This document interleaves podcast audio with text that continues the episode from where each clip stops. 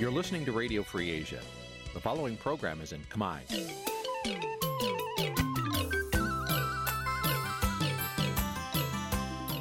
នេះជាកម្មវិធីផ្សាយ Vuthu Azizi Serai នេះជាកម្មវិធីផ្សាយរបស់ Vuthu Azizi Serai ជាភាសាខ្មែរ Vuthu Azizi Serai សូមស្វាគមន៍លោកអ្នកនាងទាំងអស់ពីរដ្ឋធានី Washington នៃសហរដ្ឋអាមេរិក ពីរដ្ឋធានី Washington នាងខ្ញុំសុកជីវីសូមជម្រាបសួរ លោកអ្នកនាងអ្នកស្ដាប់ Vuthu Azizi Serai ទាំងអស់ជាទីមេត្រីយើងខ្ញុំសូមជូនកម្មវិធីផ្សាយសម្រាប់ព្រឹកថ្ងៃប្រហ័ស500ខែផុតត្របុត្រឆ្នាំថោះបัญចស័កពុរសករាជ2567ចាប់ដល់ត្រូវនៅថ្ងៃទី5ខែតុលាគ្រិស្តសករាជ2023ជាដំបូងនេះសូមអញ្ជើញលោកអ្នកនាងស្ដាប់ព័ត៌មានប្រចាំថ្ងៃដែលមានមេត្តាដូចតទៅ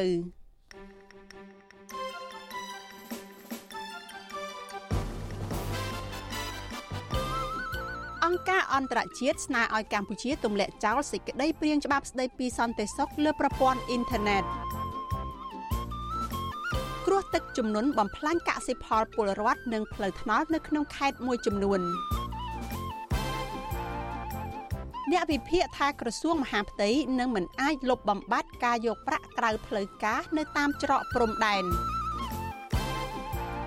អញ្ញាធរខេត្តព្រះសីហនុមិនទាន់ចាត់វិធានការលើសំណង់អគារខ្មោចដែលធ្វើឲ្យខូចសោភ័ណភាពទីក្រុង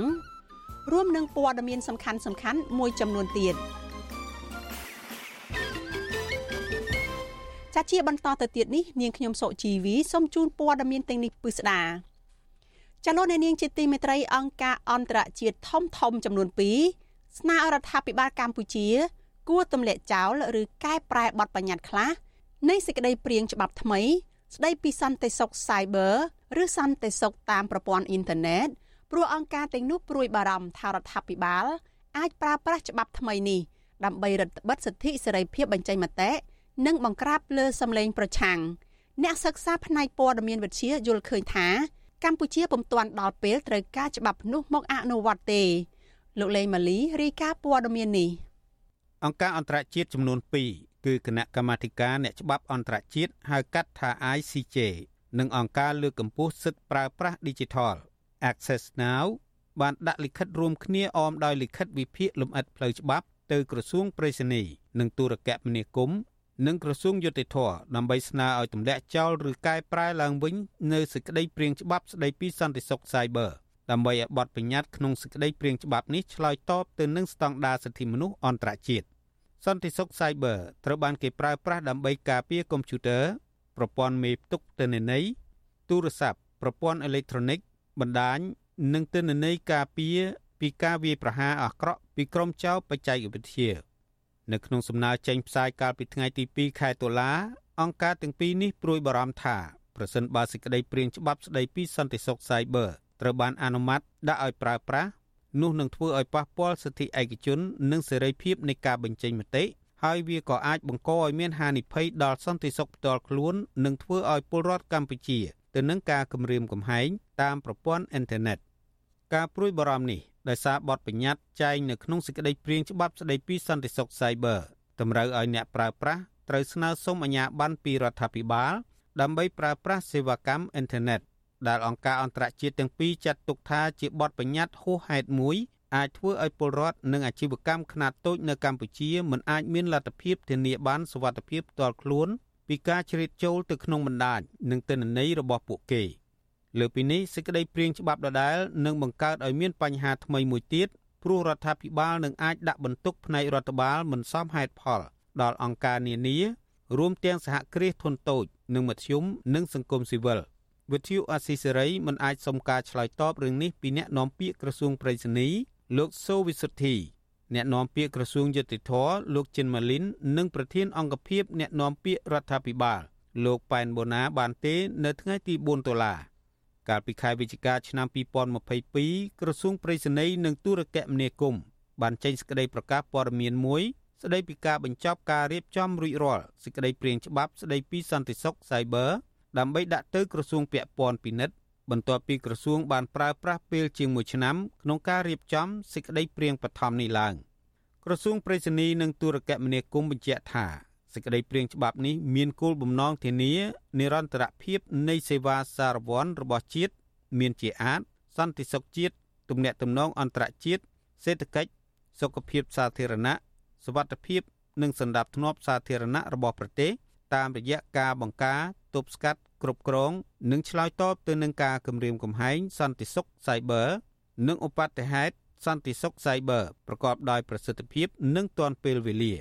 ទោះជាយ៉ាងណាក្តីអ្នកសិក្សាផ្នែកព័ត៌មានវិទ្យាលោកនងធីរាយល់ឃើញថារដ្ឋាភិបាលកម្ពុជាគួរតែកែប្រែបទបញ្ញត្តិខ្លះដែលអង្គការអន្តរជាតិទាំងពីរបានពិនិត្យឃើញថា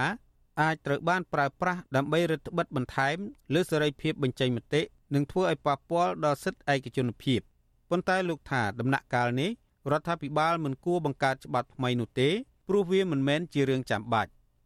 ច្បាប់នឹងវាអត់ទាន់ចាំបាច់ទេប្រទេសកម្ពុជាហើយប្រទេសកម្ពុជាកំពុងតែស្ថិតនៅ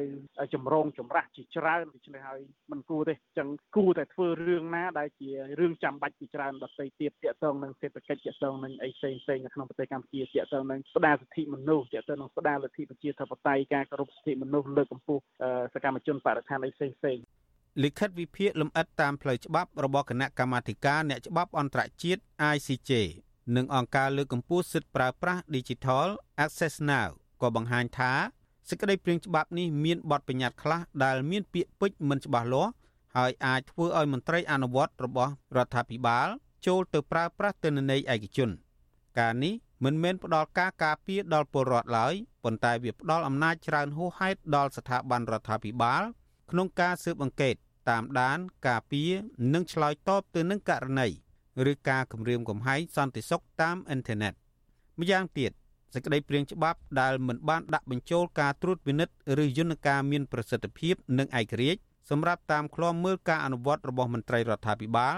ការអនុវត្តរបស់មន្ត្រីរដ្ឋាភិបាល ដើម្បីប្រឆាំងការប្រើប្រាស់សិទ្ធិអំណាចហួសហេតុគួរតែត្រូវបានកែប្រែឡើងវិញ ដើម្បីធានាថា ជាការបង្កើតច្បាប់មួយស្របតាមច្បាប់អន្តរជាតិនិងគោលការណ៍នីតិរដ្ឋរបស់កម្ពុជា។ ខ្ញុំបាទលេងម៉ាលីវិទ្យុអាស៊ីសេរី Washington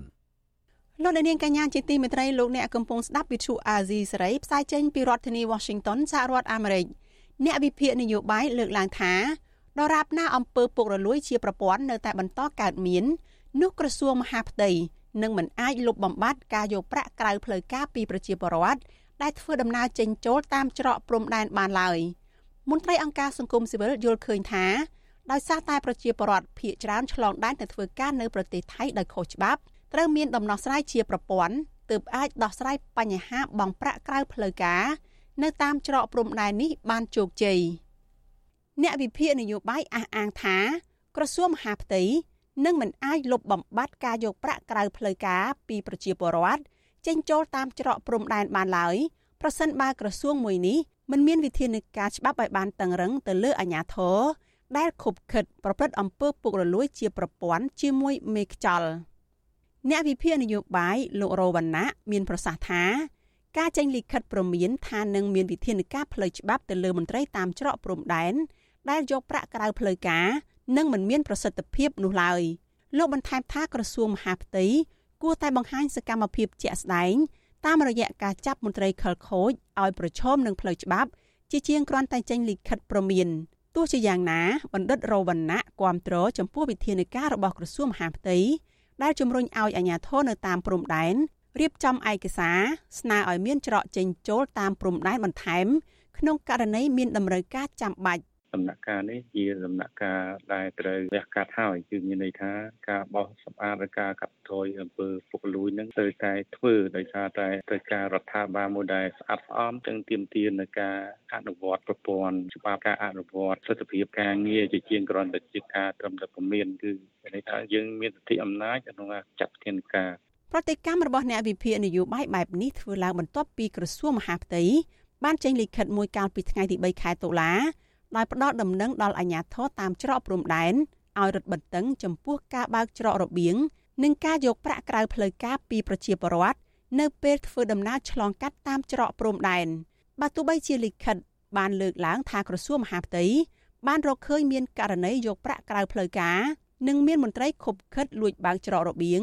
ដើម្បីយកប្រាក់ក្រៅផ្លូវការក្តីប៉ុន្តែក្រសួងមហាផ្ទៃមិនមានវិធានការផ្លូវច្បាប់អ្វីទៅលើមន្ត្រីណាម្នាក់នោះឡើយ ដោយគ្រាន់តែប្រមានថានឹងមានវិធានការច្បាប់ទៅលើមន្ត្រីខិលខូចទាំងនោះនៅក្រៅពេលអគ្គស្នងការនគរបាលជាតិចុះត្រួតពិនិត្យឡើងវិញជុំវិញរឿងនេះមន្ត្រីគម្រោងនៃមជ្ឈមណ្ឌលសម្ព័ន្ធភាពការងារនិងសិទ្ធិមនុស្សរបស់អង្គការសង្ត្រាល់លោកលឹងសុផុនប្រាប់វិទ្យុអាស៊ីសេរីនៅថ្ងៃទី5ខែតុលាថាបញ្ហាមន្ត្រីខិលខូចសហការជាមួយមេខ្ចល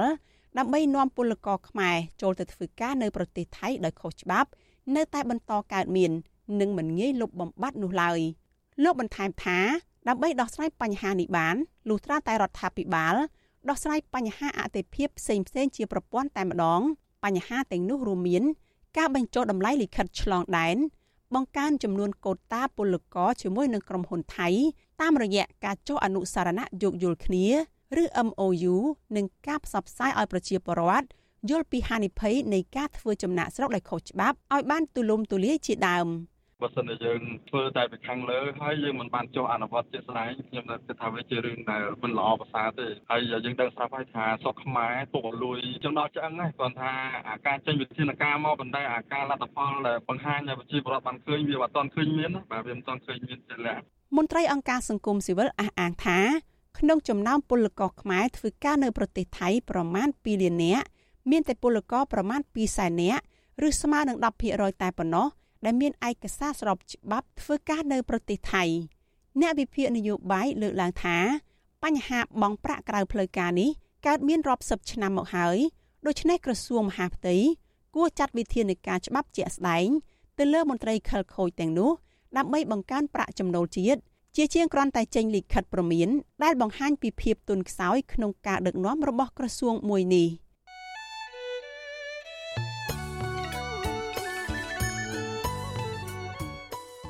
លោកនាងកញ្ញាជាទីមេត្រីចានៅក្នុងឱកាសនេះដែរនាងខ្ញុំសូមថ្លែងអំណរគុណដល់លោកនាងកញ្ញាទាំងអស់ដែលតែងតែមានភក្ដីភាពចំពោះការផ្សាយរបស់យើងហើយចាត់ទុកការស្ដាប់វិទ្យុអាស៊ីសេរីគឺជាផ្នែកមួយនៃសកម្មភាពប្រចាំថ្ងៃរបស់លោកអ្នកនាងចាការគ្រប់គ្រងរបស់លោកអ្នកនាងនេះហើយដែលធ្វើឲ្យយើងខ្ញុំមានទឹកចិត្តកាន់តែខ្លាំងថែមទៀតក្នុងការស្វែងរកនិងផ្តល់ព័ត៌មានពិតជូនលោកអ្នកនាង ចាំមានអ្នកស្ដាប់មានអ្នកទស្សនាកាន់តែច្រើន កាន់តែធ្វើឲ្យយើងខ្ញុំមានភាពស្វាហាប់និងមោះមុតជាបន្តទៅទៀតយើងខ្ញុំសូមអរគុណទុកជាមុនហើយសូមអញ្ជើញលោកអ្នកនាងកញ្ញាទាំងអស់ចូលរួមជំរុញឲ្យសកម្មភាពផ្តល់ព័ត៌មានរបស់យើងនេះកាន់តែជោគជ័យបន្ថែមទៀតចាលោកអ្នកនាងកញ្ញាអាចជួយយើងខ្ញុំបានដោយគ្រាន់តែចុចចែករំលែកឬក៏ share ការផ្សាយរបស់យើងនៅលើបណ្ដាញសង្គម Facebook និង YouTube ទៅកាន់មិត្តភ័ក្តិរបស់លោកអ្នកនាងចា៎ដើម្បីឲ្យការផ្សាយរបស់យើងនេះបានទៅដល់មនុស្សកាន់តែច្រើនចាសសូមអរគុណ លោកអ្នកនាងជាទីមេត្រីសេចក្តីរាយការណ៍តាក់ទងនឹងគណៈបកនយោបាយវិញម្ដង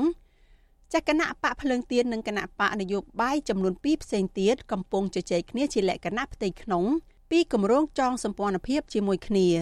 មន្ត្រីបកកាន់អំណាចថាសម្ព័ន្ធភាពរបស់គណៈបកក្រៅរដ្ឋាភិបាលមិនអាចជាការគំរាមកំហែងដល់ការកាន់អំណាចរបស់ខ្លួនឡើយហើយសម្ព័ន្ធភាពតែងតែត្រូវរលាយបាត់ទៅវិញយ៉ាងលឿនចាលោកទីនសការីយ៉ារាយការណ៍អំពីរឿងនេះ អនុប្រធានគណៈបកភ្លើងទៀនលោករងឈុនឲ្យវិទ្យុអសិរ័យដឹងនៅថ្ងៃទី4តុលាថាការចរចារវាងគណៈបកភ្លើងទៀននិងគណៈបកនយោបាយពីរផ្សេងទៀតកំពុងតែដំណើរការទៅមុខលោកបន្តថានៅពេលដែលក្រុមការងារបច្ចេកទេសរបស់គណៈបកទាំងនោះចរចាត្រូវតែគ្នារួចតំណាងគណៈបកទាំងអស់នឹងយកសេចក្តីសម្រេចនោះដាក់ជូនថ្នាក់ដឹកនាំគណៈបកនយោបាយទាំងសងខាង ធ្វើការសម្រេចចិត្តលោកអះអាងថានៅពេលលេចចេញជាលទ្ធផលគណៈបកដែលចងសម្ព័ន្ធភាពគ្នាទាំងនោះ នឹងចេញសេចក្តីប្រកាសព័ត៌មានជាផ្លូវការរួមគ្នាទោះជាយ៉ាងណាលោករងឈុនសុំមិនបង្ហាញឈ្មោះគណៈបកនយោបាយ2ដែលកំពុងតែជជែកជាមួយគណៈបកភ្លើងទៀននៅពេលនេះនៅឡើយទេនៅពេលដែលថាត្រូវរើគ្នាអស់ហើយអានេះខ្លែងការរួមប្រកាសជាផ្លូវការអាចឈានទៅដល់សន្និសិទសារព័ត៌មាននៅពេលដែលគេថាកម្លាំងប្រជាធិបតេយ្យរួបរวมគ្នាវាជារឿងមួយដែលល្អប្រសើរ ហើយវានឹងមានសក្តានុពលខ្ពស់ក្នុងការប្រកួតប្រជែងជាមួយបកកណ្ដាលអំណាចបាទទោះបីជាលោករងឈុនមិនទាន់បង្ហាញឈ្មោះគណៈបកនយោបាយដែលកំពុងតែជជែកគ្នាជាមួយគណៈបកភ្លើងទៀននៅពេលនេះក្តីប៉ុន្តែកាលពីគណៈបកភ្លើងទៀនប្រកាសយកគណៈបកនយោបាយដែលមានឆន្ទៈនិងចំហដូចគ្នាដើម្បីចាប់ដៃគូគ្នានោះគឺមានមេដឹកនាំនិងស្ថាបនិកគណៈបកនយោបាយចំនួន3រួមមានគណៈបកកែតម្រង់កម្ពុជាគណៈបកកម្ពុជានិយម និងគណៈបកឆន្ទៈខ្មែរជាដើម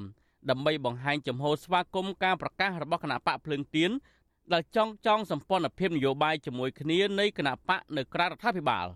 តើតើនឹងគម្រោងរួបរวมគ្នារបស់គណៈបកភ្លើងទៀនជាមួយគណៈបកនយោបាយនៅក្រៅរដ្ឋាភិបាលផ្សេងទៀតនៅពេលនេះអ្នកនាំពាក្យគណៈបកកណ្ដាលអំណាចលោកឈឹមផៅរិនលើកឡើងថាគណៈបកកណ្ដាលអំណាចរបស់លោកតែងតែគោរពសិទ្ធិនយោបាយរបស់គណៈបកនយោបាយផ្សេងទៀត ទោះជាយ៉ាងណាអ្នកនាំពាក្យគណៈបកកណ្ដាលអំណាចរូបនេះចំអកថាសម្ព័ន្ធភាពរបស់គណៈបកនយោបាយនៅក្រៅរដ្ឋាភិបាលកន្លងមកគឺមានត្រឹមតែសម្បកក្រៅទេហើយសម្ព័ន្ធភាពនោះក៏មិនអាចរក្សាភាពស្ថិតស្ថេរបានយូរអង្វែងនោះដែរ ពុំដែលឃើញថាសម្ព័ន្ធភាពនៃគណៈបកនយោបាយនីមួយមួយចាប់ដៃគ្នាបានយូរទេច្រើនតែសម្ព័ន្ធភាពតែសបឲ្យសំណោះផ្ទៃក្នុងហ្នឹងប៉ុន្តែនេះមិនមែនជាការឈរតោចរបស់គណៈបកប្រជាជនកម្ពុជាទេចង់បញ្ជាក់ថាគណៈបកប្រជាជនកម្ពុជាមិនដែលឃើញសម្ព័ន្ធភាពរបស់គណៈបកនយោបាយនានាធ្វើបានសម្រេចដោយបំណងរបស់ខ្លួនទោះបីជាអ្នកនាំពាក្យគណៈបកកណ្ដាលអំណាចលើកឡើងដូចនេះក្តី ប៉ុន្តែសម្ព័ន្ធភាពនយោបាយរវាងគណៈបកសំរងស៊ីនិងគណៈបកសិទ្ធិមនុស្សរបស់លោកកម្មសខាដែលបង្កើតបានជាគណៈបកសង្គ្រោះជាតិកន្លងទៅគឺគណៈបកនេះបានដណ្ដើមកៅអីនៅក្នុងរដ្ឋសភាក្នុងការបោះឆ្នោតអាណត្តិទី5ឆ្នាំ2013បានចំនួន55អាសនៈរហូតធ្វើអរដ្ឋាភិបាលរបស់គណៈបកកណ្ដាលអំណាចរំជើបរំជួលចិត្តភ័យខ្លាចការបោះឆ្នោតរហូតដល់រំលាយគណៈបកនេះចោលនៅមុនការបោះឆ្នោតឆ្នាំ2018 ប្រធានអង្គការសម្ព័ន្ធភាពការពារសិទ្ធិមនុស្សកម្ពុជាកថាច្រាក់លោករស់សុថាយល់ថានេះជាសញ្ញាមួយដើម្បីអាចឲ្យគណៈបកភ្លើងទៀនដល់ប្រឈមនឹងការបាត់បង់ឱកាសចូលរួមការបោះឆ្នោតនាពេលខាងមុខលោកបន្តទៀតថាចំពោះគណៈបកដៃគូរបស់គណៈបកភ្លើងទៀនក៏អាចធ្វើឲ្យគណៈបកនោះមានឱកាសទទួលបានសម្លេងគាំទ្រផងដែរលោកបន្តទៀតថាគម្រោងនេះផ្ដល់សារៈសំខាន់ដល់ចលនាប្រជាធិបតេយ្យនៅកម្ពុជា វាជាសញ្ញាមួយដែលដោះស្រាយបញ្ហាគណៈបកពឹងទៀនដែលជាគណៈបកសំខាន់មួយដែលអាចจะមានសក្តានុពលក្នុងការចូលរួមក្នុងការពុតប្រជែងនយោបាយក្នុងប្រទេសកម្ពុជាណាគឺថាគណៈបកពឹងទៀនហ្នឹងកន្លងមកយើងថាបើសិនជានៅគណៈបកពឹងទៀនហ្នឹងសញ្ញានៃការលំបាកក្នុងការចូលរួមដោយសេរីហ្នឹងគឺពិបាកណាស់មកមន្ត្រីសិទ្ធិមនុស្សលោករស់សថារំលឹកទៅដល់មេដឹកនាំគណៈបកនយោបាយថា បើពួកគេមិនចង់ឲ្យមានការបែកបាក់សម្ព័ន្ធភាពនយោបាយនោះទេលុះត្រាតែមេដឹកនាំគណៈបកទាំងនោះទម្លាក់ចោលផលប្រយោជន៍ឯកជនហើយត្រូវយកយល់គ្នានិងត្រូវគ្រប់គ្រងផ្ទៃក្នុងគណៈបកឲ្យបានរឹងមាំគណៈបកភ្លើងទៀនកាលពីថ្ងៃទី25កញ្ញាបានប្រកាសចងសម្ព័ន្ធភាពជាមួយគណៈបកដែលមានទស្សនៈនិងចំហនយោបាយដូចគ្នានៅពេលខាងមុខគណៈបកភ្លើងទៀនបង្ហាញចំហបែបនេះក្រោយពេលគណៈបកនេះ ត្រូវបានកោជបហាមឃាត់មិនឲ្យចូលរួមការបោះឆ្នោតកាលពីថ្ងៃទី23កក្កដាកន្លងទៅដោយអះអាងថាគណៈបកនេះគ្មានលិខិតចុះបញ្ជីច្បាប់ដើមគណៈបកភ្លើងទៀនក៏ប្រឈមនឹងបញ្ហាមិនអាចចូលរួមបោះឆ្នោតអសកលឆ្នាំ2024និងការបោះឆ្នោតនាពេលខាងមុខទៀតដែរក្នុងករណីដែលកោជបនៅតែបដិសេធហើយទាមទារយកលិខិតច្បាប់ដើមនៃការចុះបញ្ជីគណៈបកនៅឯក្រសួងមហាផ្ទៃនោះ ខ្ញុំបាទទីនសាការីយ៉ាអស៊ីសេរី ប្រធានីវ៉ាស៊ីនតោន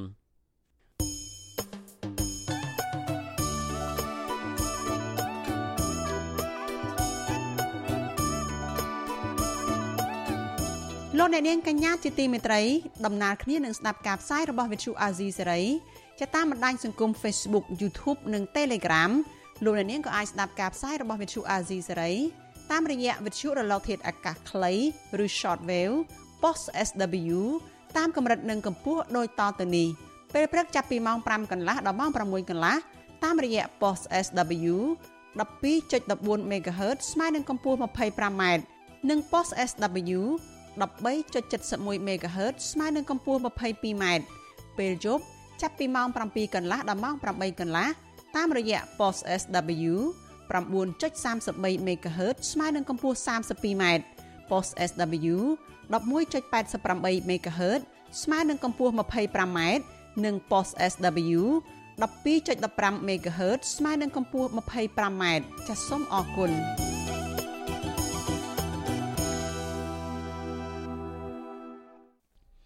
លោកដានៀងកញ្ញាជាទីមេត្រីព័ត៌មានតកតនឹងគ្រោះទឹកចំនួនវិញម្ដង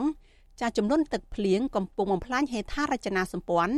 និងផលដំណាំរបស់ពលរដ្ឋមួយចំនួនដែលធ្វើឲ្យពួកគាត់ ប្រឈមនឹងការខាត់បងធ្ងន់ធ្ងរនិងជំពាក់បំណុលកាន់តែច្រើន សង្គមស៊ីវិលស្នើរដ្ឋាភិបាលដោះស្រាយការខាតបង់និងបញ្ហាប្រឈមនិងបំណុលរបស់ពលរដ្ឋនៅពេលនេះដើម្បីកុំឲ្យពួកគាត់កាន់តែធ្លាក់ទៅក្នុងភាពក្រីក្រ ចាលូទីនសការីយ៉ាមានសេចក្តីរាយការណ៍មួយទៀតអំពីរឿងនេះស្ថានភាពទឹកជំនន់នៅខេត្តបាត់ដំបងហាក់មិនទាន់ថមថយឡើយទេ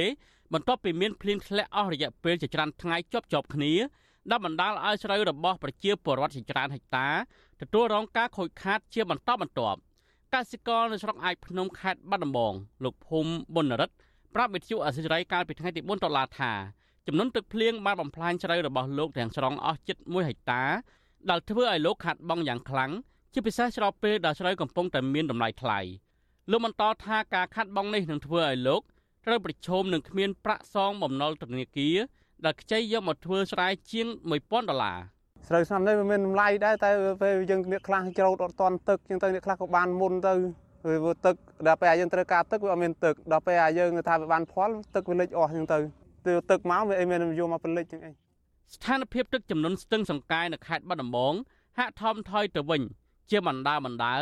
លើកលែងតែនៅវាលស្រែនៅស្រុកអាចភ្នំនិងស្រុកសង្កែប៉ុណ្ណោះដែលនៅតែជន់លិចដដែល ប៉ុន្តែតំបន់ប៉ែកខាងលិចនិងតំបន់ជាប់ព្រំដែនវិញស្ថានភាពទឹកចំនួនបែរជាហក់ឡើងខ្ពស់ខ្លាំងទៅវិញ មានដូចជានៅស្រុកបាវែលស្រុកភ្នំព្រឹកនិងស្រុកកំរៀងជាដើមចំពោះខេត្តកំពង់ធំកំពស់ទឹកនៅតែស្ថិតនៅក្នុងកម្រិតខ្ពស់ដែលធ្វើឲ្យប្រជាពលរដ្ឋរស់នៅតាមបណ្ដោយស្ទឹងសែនមានដូចជាស្រុកប្រាសាទសម្បូរស្រុកសណ្ដាននិងក្រុងស្ទឹងសែននិងផ្នែកខ្លះនៅស្រុកកំពង់ស្វាយរងផលប៉ះពាល់ខូចខាតផលដំណាំ និងជំនះពលរដ្ឋរកទីទួលមានសុវត្ថិភាពដោយឡែកនៅខេត្តសៀមរាបវិញ ទឹកចំនួនហាក់មិនទាន់ស្រកទៅវិញទេខណៈភ្លៀងនៅតែធ្លាក់ជាច្រើនថ្ងៃជាប់ជាប់គ្នាដោយបានបង្កការខូចខាតផលដំណាំផ្ទះសម្បែងប្រជាពលរដ្ឋហូរដាច់ផ្លូវមួយចំនួនតំបន់ដែលរងផលប៉ះពាល់ខ្លាំងជាងគេ រួមមានស្រុកអង្គរជុំស្រុកវ៉ារិន ស្រុកស្វាយលើស្រុកប្រាសាទបាគងនិងស្រុកបន្ទាយស្រីជាដើមកសិករនៅស្រុកអង្គរជុំខេត្តសៀមរាប លោកស្រីយឹមសុកខឿនឲ្យដឹងថាភ្លៀងធ្លាក់ច្រើនថ្ងៃជាប់ជាប់គ្នា បង្កទៅជាទឹកជំនន់ធ្វើឲ្យលេខស្រូវរបស់លោកស្រីនិងបរិវត្តអតីតទៀតដែលស្រូវទាំងនោះជិតដល់ពេលប្រមូលផលអស់ជាច្រើនហិកតានិងហូរកាត់ផ្ដាច់ផ្លូវថ្នល់ជាច្រើនកន្លែងផ្សេងទៀតលោកស្រីបន្តថាដោយសារតែកម្ពស់ទឹកហក់ឡើងលឿនពេកប្រជាពលរដ្ឋមួយចំនួនខ្ចីប្រាក់ពីធនាគារមកធ្វើស្រែនាំគ្នាចុះច្រូតកាត់ស្រូវដែលមិនទាន់ទុំល្អពីក្នុងទឹកបានបន្តិចបន្តួច និងមួយចំនួនទៀតខាតទាំងស្រុងតែម្ដងគូជុំលិចខ្លាំងនឹងគ្រូនេះលិចឡើងខាងគូដងភ្លៀងរាល់ថ្ងៃអត់ទាន់រាំងថាមើលភ្លៀងរាល់ថ្ងៃចេះហ្នឹងលិចឡើង4 5ថ្ងៃជាប់ហើយថ្ងៃនេះលិចថ្នល់ដាច់អស់គីឡូផុងជិបពេញដល់ថ្នល់ជិះម៉ូតូវិទ្យុអសិរ័យមិនអាចតតងអ្នកនាំពាក្យគណៈកម្មាធិការជាតិគ្រប់គ្រងគ្រោះមហន្តរាយលោកសុតកឹមកុលមនីនិងអ្នកនាំពាក្យក្រសួងធនធានទឹកនិងអតនិយមលោកច័ន្ទយុធាដើម្បីសំសួរអំពីបញ្ហានេះបានទេកាលពីថ្ងៃទី4ដុល្លារតើតើនៅរឿងនេះដែរ ក្រុមប្រឹក្សាភិបាលរបស់អង្គការសាមគ្គីភាពកសិករកម្ពុជាលោកឌីកុនធាសង្កេតឃើញថា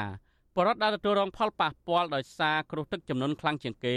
ភាគច្រើនគឺកសិករដែលខ្ចីប្រាក់ពីធនាគារយកមកវិនិយោគលើវិស័យកសិកម្មលោកឌីកុនធាស្នើដល់រដ្ឋាភិបាលឲ្យបង្កើតគោលនយោបាយផ្ដល់កម្ចីហិរញ្ញវត្ថុដែលគ្មានការប្រាក់ផ្ដល់ពូជជ្រៅដល់កសិករនិងទម្លាក់តម្លៃប្រេងសាំងដើម្បីឲ្យកសិករមានលទ្ធភាពស្ដារជីវភាពឡើងវិញ។ រដ្ឋាភិបាលទាំងគណៈកម្មការក្រុមការងារចែកទេសទទួលបន្ទុកផ្នែកគ្រប់គ្រងគ្រោះមហន្តរាយគឺត្រូវតែចុះទៅដល់មូលដ្ឋានជាក់ស្ដែងតែម្ដងមានន័យថាប្រព័ន្ធរបាយការណ៍ហ្នឹងគឺត្រូវច្បាស់លាស់ហើយត្រូវយកទិន្នន័យទាំងអស់ហ្នឹងយកមករៀបចំជាអនុគម្រោងដើម្បីឆ្លើយតបស្ដារផលប៉ះពាល់ទៅលើគ្រួសារជនរងគ្រោះទាំងអស់ហ្នឹងឲ្យទាន់ពេលតាមការព្យាករណ៍របស់ក្រសួងធនធានទឹកនៅអតនិយមឲ្យដឹងថាមួយសប្តាហ៍ចុងក្រោយនេះ កម្ពុជាកំពុងតែរងឥទ្ធិពលខ្យល់សម្ពាធទាបបង្កឲ្យមានភ្លៀងធ្លាក់ជាប់ជាប់គ្នាបណ្ដាលឲ្យមានទឹកជំនន់តាមតំបន់មួយចំនួនចំនួនទឹកភ្លៀងនិងការបើកទំនប់ជាប់ជាប់គ្នាប្រមាណថ្ងៃមកនេះបណ្ដាលឲ្យកសិករនៅតាមតំបន់វាលទំនាបត្រូវបង្ខំចិត្តច្រូតស្រូវដណ្ដើមទឹកដោយមុជចូលក្នុងទឹកច្រូតស្រូវនឹងកណ្ដៀងឯខ្លះទៀតច្រូតស្រូវដែលមិនទាន់ទុំនឹងសើមយកមកលក់ឲ្យឈ្មួញក្នុងតម្លៃថោកគឺ1គីឡូ700ទៅ800រៀលចំណែកអាកសិករខ្លះទៀត ត្រូវបោះបង់ផលស្រូវនៅឆ្នាំនេះចោលទាំងស្រុងដោយសារតែទឹកជ្រៅឬស្រូវនៅខ្ចីពេករបាយការណ៍បឋមរបស់គណៈកម្មាធិការជាតិគ្រប់គ្រងគ្រោះមហន្តរាយឲ្យដឹងថាចំនួនទឹកភ្លៀងបានប៉ះពាល់ខេត្តចំនួន10រួមមានពោធិ៍សាត់បាត់ដំបងប៉ៃលិនសៀមរាបព្រះវិហារកំពង់ធំត្បូងឃ្មុំក្រចេះកោះកុងនិងខេត្តប្រសិទ្ធនុជាដើមប្រជាពលរដ្ឋរងផលប៉ះពាល់ដោយសារទឹកជំនន់ស្នើឲ្យរដ្ឋាភិបាលផ្ដល់ជំនួយដើម្បីទ្រទ្រង់ផ្នែកកសិកម្ម និងរក្សាតម្លៃកសិផលនៅលើទីផ្សារដើម្បីឲ្យពួកគាត់មានលទ្ធភាពសងបំណុលធនាគារខ្ញុំបាទទីនសាការីយ៉ាអស៊ីសេរី ប្រធានាធិបតី Washington លោកនាងកញ្ញាជាទីមេត្រីព័ត៌មានតកតនឹងគ្រោះទឹកចំនួននេះដែរចាអាញាធមូលដ្ឋាននៅក្នុងស្រុកភ្នំព្រឹកខេត្តបាត់ដំបង បានជំលះពលរដ្ឋចំនួនជាង600នាក់ដែលរងគ្រោះដោយសារតែទឹកជំនន់ទៅទីទួលមានសវត្ថភាពអភិបាលស្រុកភ្នំព្រឹកលោកសុកសុភ័ក្រ ប្រាប់សារព័ត៌មានក្នុងស្រុកថាទឹកជំនន់កាលពីយប់ថ្ងៃទី2ខែតុលា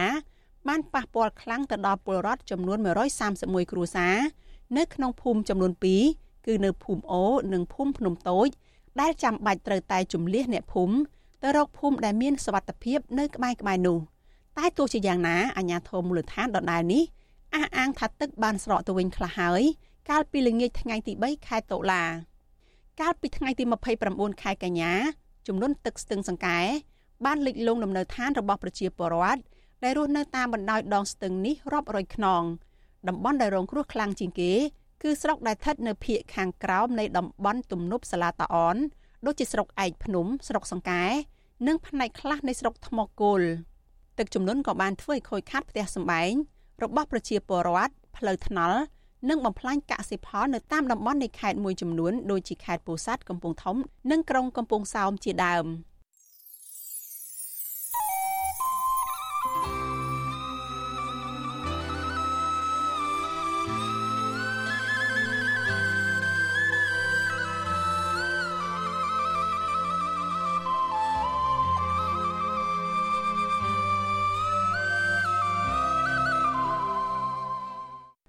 លោកអ្នកនាងកញ្ញាជាទីមេត្រីសេចក្តីរាយការណ៍តាក់ទងនឹងខេត្តព្រះសីហនុឯណោះវិញអាជ្ញាធរខេត្តព្រះសីហនុនៅមិនទាន់គិតគូរធ្វើយ៉ាងណាជាមួយនឹងម្ចាស់សំណង់អាគារខ្មោចឬក៏អាគារដែលសាងសង់មិនទាន់រួចរាល់ក្នុងខេត្តជាប់មាត់សមុទ្រមួយនេះនៅឡើយអាគារខ្មោចឬក៏អាគារដែលត្រូវគេទុកចោលមិនទាន់សាងសង់រួចទាំងនោះមានរាប់រយអាគារកំពុងធ្វើឲ្យខូចខាតទៅដល់សុខភាពនៃក្រុងព្រះសីហនុចាលោកមានរិទ្ធ មានសេចក្តីរាយការណ៍អំពីរឿងនេះអាគារខ្មោចរាប់រយអាគារដែលកំពុងមាននៅក្រុងទេសចរខេត្តព្រះសីហនុមិនត្រឹមតែធ្វើឲ្យប៉ះពាល់ដល់សុខភាពទីក្រុងតែប៉ុណ្ណោះទេក៏ប៉ុន្តែគឺជារឿងគួរឲ្យព្រួយបារម្ភសម្រាប់ពលរដ្ឋ ព្រោះពួកគេអាចប្រឈមទៅនឹងគ្រោះថ្នាក់នៅក្នុងពេលធ្វើដំណើរតាមដងផ្លូវដោយសារតែនៅតាមអាគារទាំងនោះមានចន្ទះដែកពាសពេញដែលម្ចាស់សំណង់អាគារនិងអាជ្ញាធរពុំបានអើពើរុះរើរៀបចំឲ្យមានសន្តិភាពនោះទេ សំណង់អាគារខ្មោចទាំងនោះភាគច្រើនគឺជាកម្មសិទ្ធិរបស់វិនិយោគិនជនជាតិចិន ដែលពួកគេខ្លះបានជួលនឹងទិញដីពីពលរដ្ឋខ្មែរដើម្បីសាងសង់សន្តាគារបនលបែងកាស៊ីណូហាងម៉ាសា បាស៊ីផឹកនាពេលរាត្រីជាដើមរដ្ឋបាលខេត្តព្រះសីហនុឲ្យដឹងថាដើមចំដែលធ្វើឲ្យសំណង់អាគាររាប់រយបានផ្អាកការសាងសង់គឺដោយសារតែម្ចាស់សំណង់អាគារជាជនជាតិចិនមួយចំនួន បានវិលត្រឡប់ទៅប្រទេសរបស់ពួកគេវិញក្នុងអំឡុងពេលជំងឺរាតត្បាតសកល COVID-19 ហើយវិនិយោគិនខ្លះទៀតបានខ្សែធន ទោះជាយ៉ាងណានារយៈពេលជាង3ឆ្នាំមកនេះអាជ្ញាធរខេត្តព្រះសីហនុមិនបានចាត់វិធានការនិងរៀបចំកែលម្អសំណង់អគារទាំងនោះដើម្បីសម្រួលការរកស៊ីរបស់ប្រជាពលរដ្ឋនិងកែសម្រួលសុខភាពទីក្រុងជាប់មាត់សមុទ្រមួយនេះឲ្យមានរបៀបរៀបរយនៅឡើយទេ ពលរដ្ឋនិងមន្ត្រីសង្គមស៊ីវិលលើកឡើងថាវិនិយោគិនល្អល្អ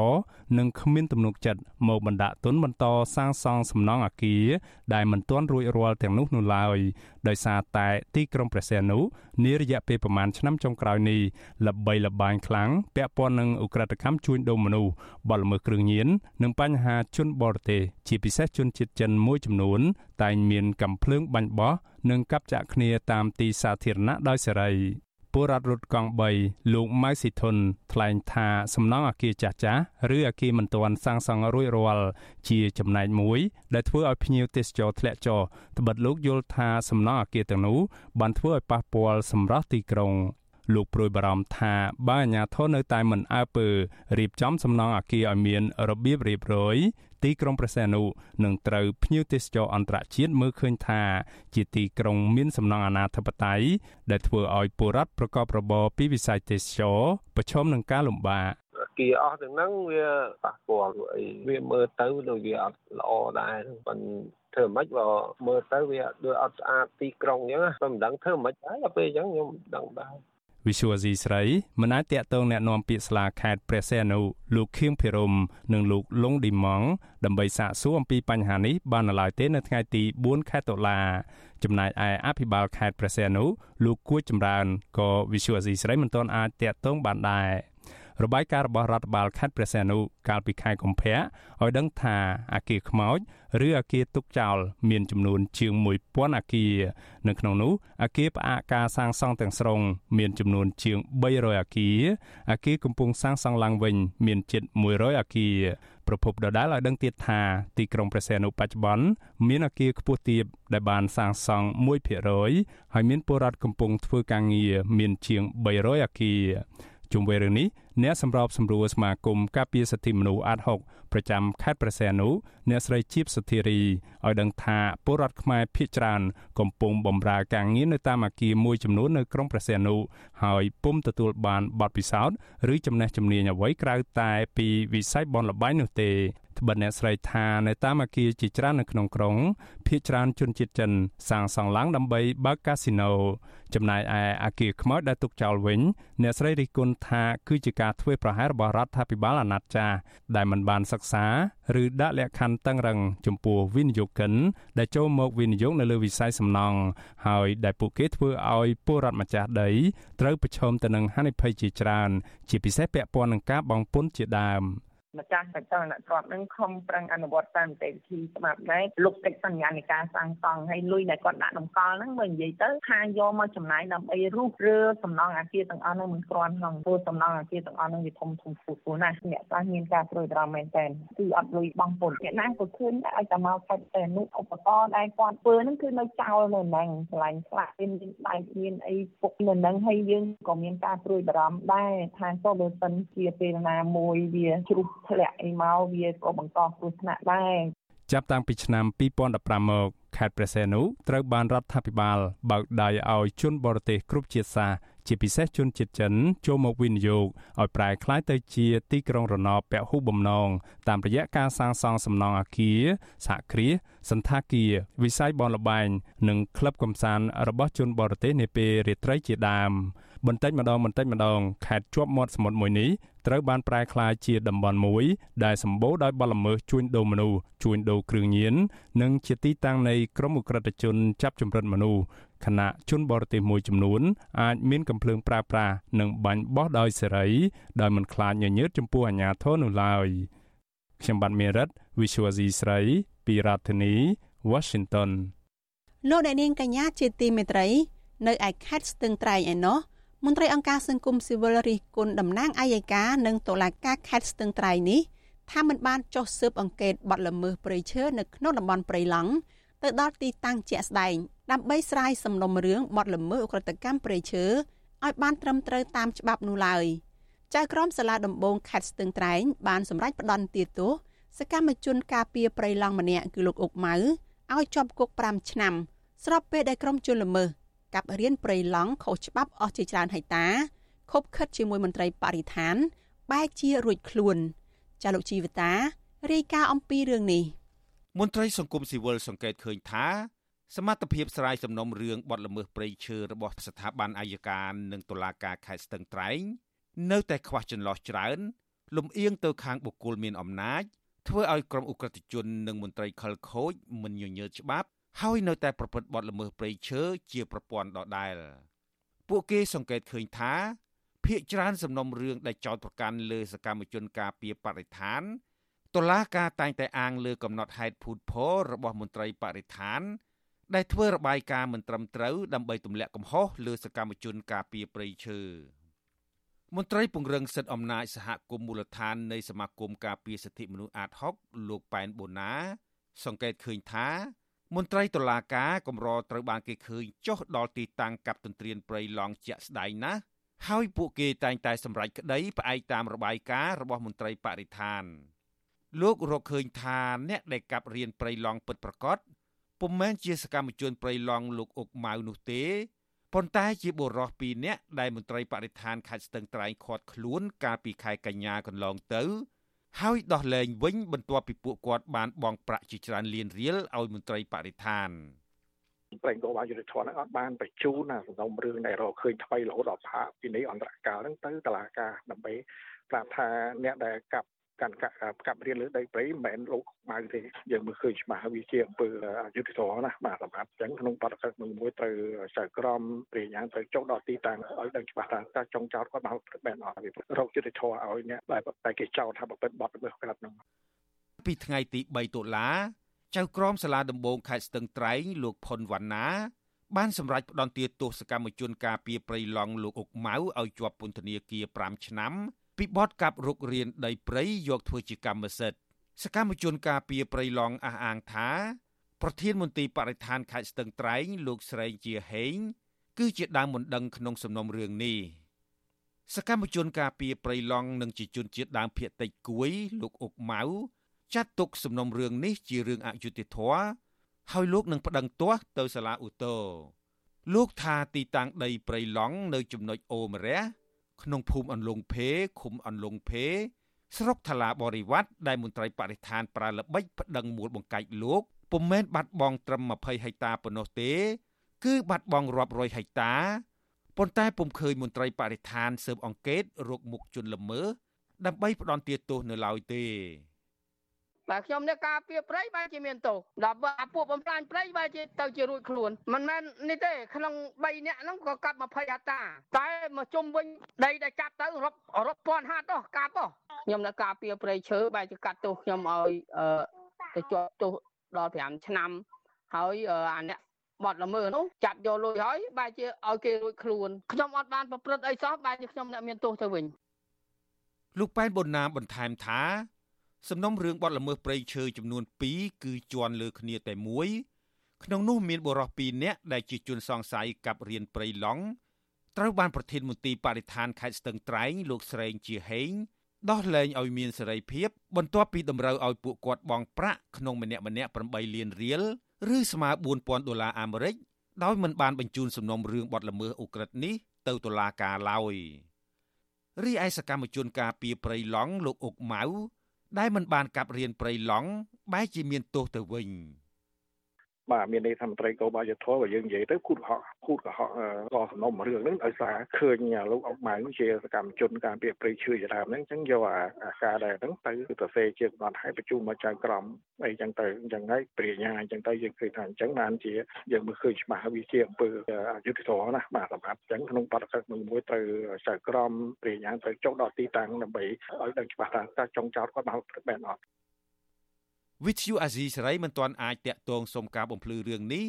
ពីចៅក្រមជំនុំជម្រះលោកផុនវណ្ណា និងព្រះរាជអាជ្ញាអមសាលាដំបងខេត្តស្ទឹងត្រែងលោកចេតខេមរា បាននៅឡើយទេ នៅថ្ងៃទី4តុលាចំណែកប្រធានមន្ទីរបរិស្ថានខេត្តស្ទឹងត្រែងលោកស្រេងជាហេងក៏មិនទាន់អាចសុំការបំភ្លឺបានដែរដោយទូរស័ព្ទហៅចូល តែគ្មានអ្នកទទួលកន្លងទៅ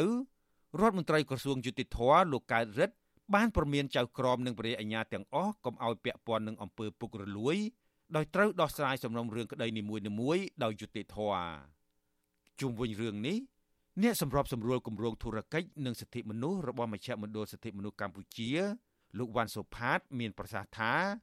ប្រសិនបើអ្នកកាប់ទន្ទ្រានព្រៃពិតប្រកបបែរជារួយខ្លួន ហើយអ្នកការពារព្រៃឈើបែរជាជាប់ទោស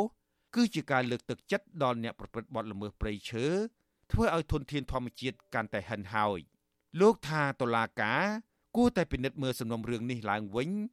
ដើម្បីការពារធនធានធម្មជាតិដែលនៅសេសសល់